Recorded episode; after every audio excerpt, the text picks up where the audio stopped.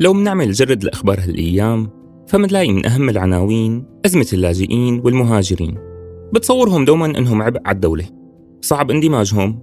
عم يضروا النسيج المجتمعي ويجيبوا أولاد كتير بدهم يغيروا هويتنا القومية. نمط حياتهم مختلف. عم يجوا تهريب. منهم مجرمين وعم يسببوا مشاكل أمنية. وما عاد شعر المواطنين بالراحة والأمان. حتى ممكن يكون في بيناتهم إرهابيين متسللين. هدول خطر على أمن الدولة القومي بس قديش هالكلام دقيق؟ شو هو الأمن أصلا لحتى عم يضروها السياح الإجباريين؟ خلوكم معي لنحلحل هالقضية بهالحلقة من بودكاست سياحة إجبارية.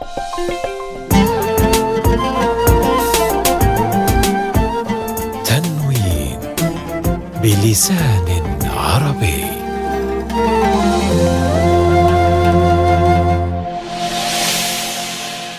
أهلا وسهلا فيكم أعزائي المرتحلين والمرتحلات المتحركين والمتحركات المرابطين بأوطانكم والمرابطات أو السائحين سياحة إجبارية والسائحات.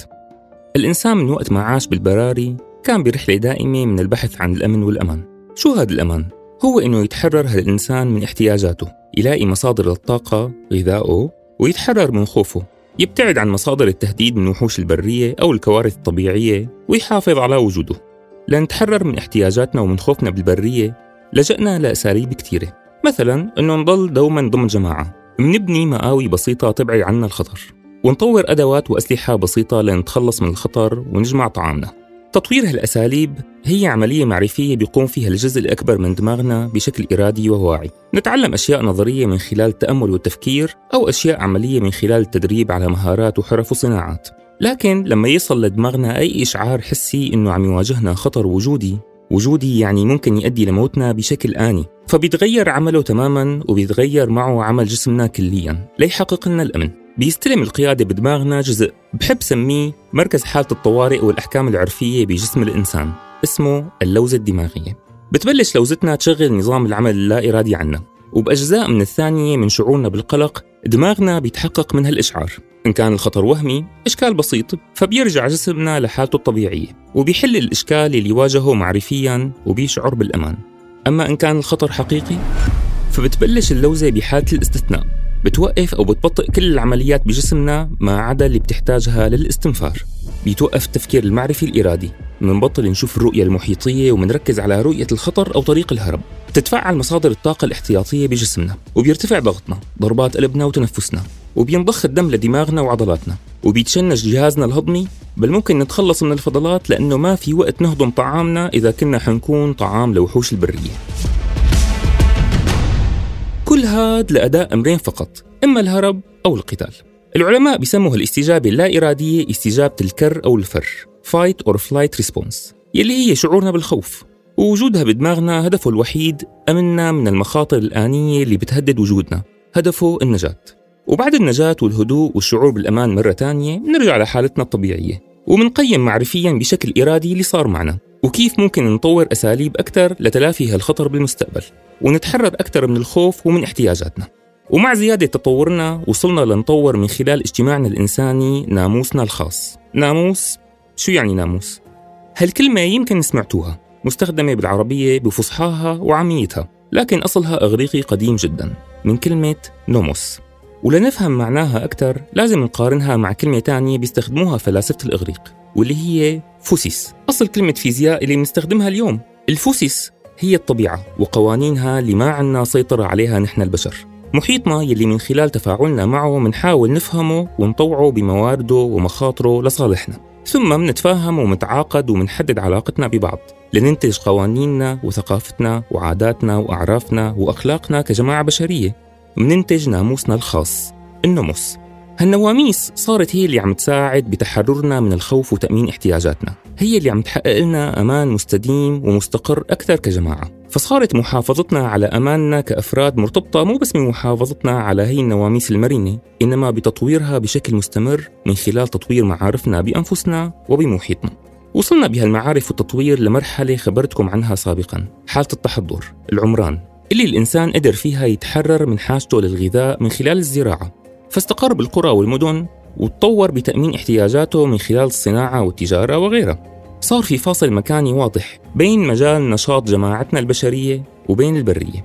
فاصل بين مجال الناموس الانتظام العمران الأمان وبين الطبيعة البرية الخطر الفوضى. ونواميس الجماعات الصغيرة اتطورت لدول كبيرة ومتقدمة سياسيا وقانونيا وعسكريا بتسليم السيادة لحكم جماعي أو لحاكم أوحد وبتواجه الأخطار الخارجية من هجمات الدول والجماعات الثانية وتحفظ التوازن بين أفرادها لأن اختلال هالتوازن بيعني نزاعات وانتفاء الأمان والعيش ببرية تحت قانون الغاب ولو كنا ضمن أسوار المدينة وبين البشر.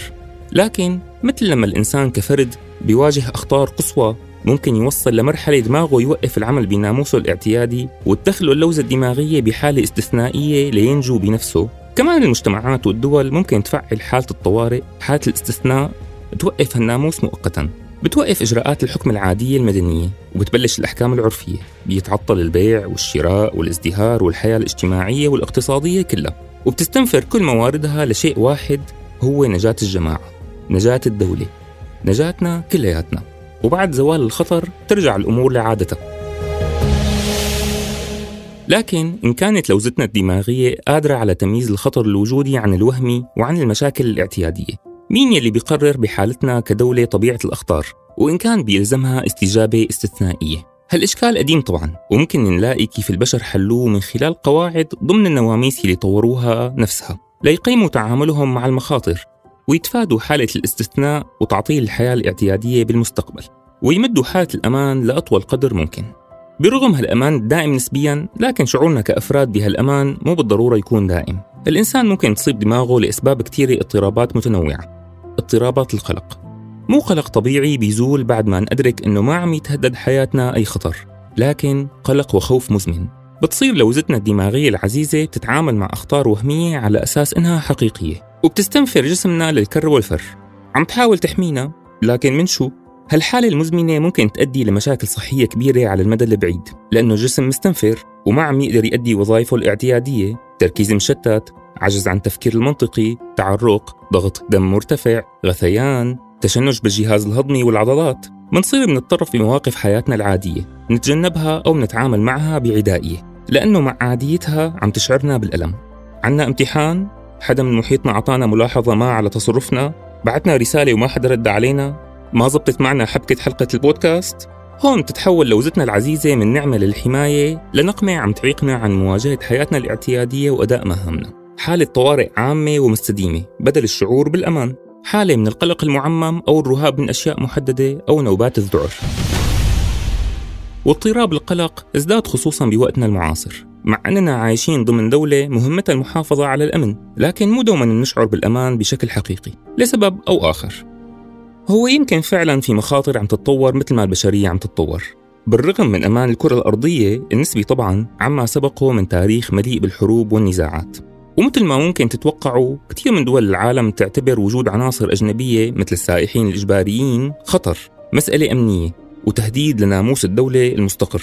بس يمكن دعواهم يكون فيها وجه حق فخلونا نسمعها. مثلا كثير من الدول ناموسها قائم على توازن هويات معين. شعبها مجموعة يفترض أن الغالبية منها متجانسة من أمة واحدة ضمن دولة واحدة أو مجموعات متنوعة لكن متفقة على طريقة حكم معين. فدخول عناصر مختلفة ممكن يفيق نزاعات قديمة كتير بين هالمجموعات. وكمان ممكن السياح الإجباريين يشكلوا عبء اقتصادي على الدولة من مصاريف أو منافسة بسوق العمل أو يكونوا عبء اجتماعي. عادات وثقافة وأخلاقيات مختلفة أو حتى عبء سياسي. ممكن كتير من هالوافدين يكون عندهم أيديولوجيات سياسية إلها مصالح متضاربة مع الوضع القائم بالبلد المضيف. ومجموعة هالمشاكل ممكن تتطور لمشاكل أمنية. ممكن يكونوا اللاجئين أصلا في منهم مجرمين وقطاع طرق أو حتى يقوموا بأعمال عنف لأهداف سياسية أو ما يسمى بالإرهاب. وممكن يكونوا عملاء لدول عدوية للبلد المضيف. لذلك هالدولة مضطرة تتعامل مع ملف الوافدين كأزمة أمنية أو مثل ما بيقول المصطلح أمننة securitization أمننة ملف السائحين الإجباريين.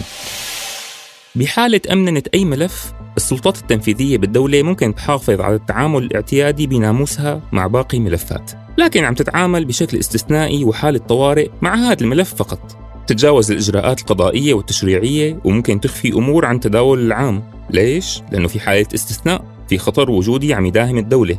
بس لأنه ملف مثل هالسائحين الإجباريين هو ملف ما بينتهي يعني خطر قائم وفقا لرواية هدول الدول. فحالة الاستثناء وتجاوز الإجراءات العادية بما يتعلق فيه كمان قائمة.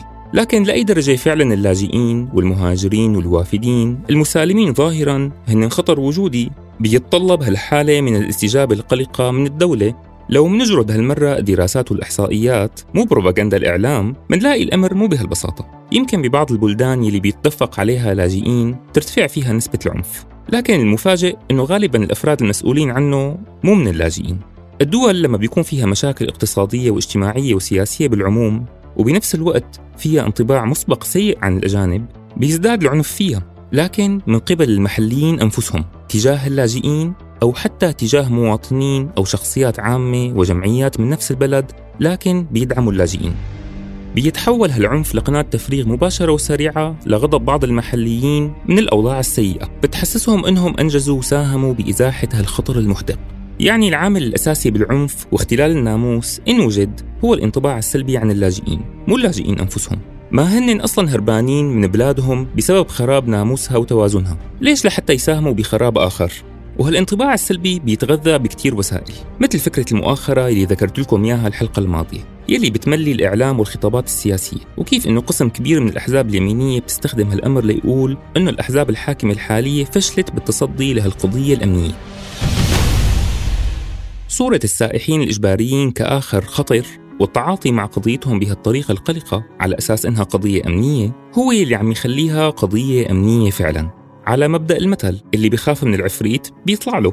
تتحول الدولة لحالة بتشبه حالة اضطراب القلق بجسمنا وبتختفي المحاكمة المنطقية لهالملف وبيزيد هدر طاقات الدولة عليه وتعطيه لكتير أمور بشكل غير ضروري لأسباب أمنية. بيصيب الدولة فوبيا السائحين الإجباريين. حقيقة الأمر أنه بالتأكيد في إشكالات بتوافد عدد كبير من الأجانب لبلد ما بوقت قصير. لكن هالإشكالات هي ملفات اعتيادية. اقتصادية سياسية اجتماعية ولا هي أمنية بأي شكل من الأشكال. ما بتهدد الناموس أبدا وبتنحل ضمن قواعده الاعتيادية. وعلى طول الأمد بيصير الأمر خطر على الناموس نفسه. الأمننة بتضيق الحريات والحقوق وبتتجاوز الإجراءات يلي انحطت لحفظ هالناموس. بتخليه مرفوع وبحالة استثناء وقلق دائم. ممكن تساهم بخلق مظلوميات جديدة بالمجتمع يعني عنف سياسي وأزمة أمنية جديدة.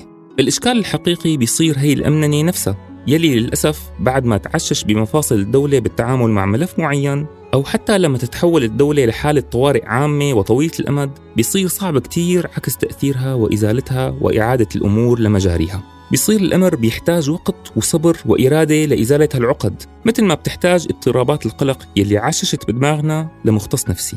وما بتزول بسهولة بمجرد معرفتنا أنه مخاوفنا وهمية.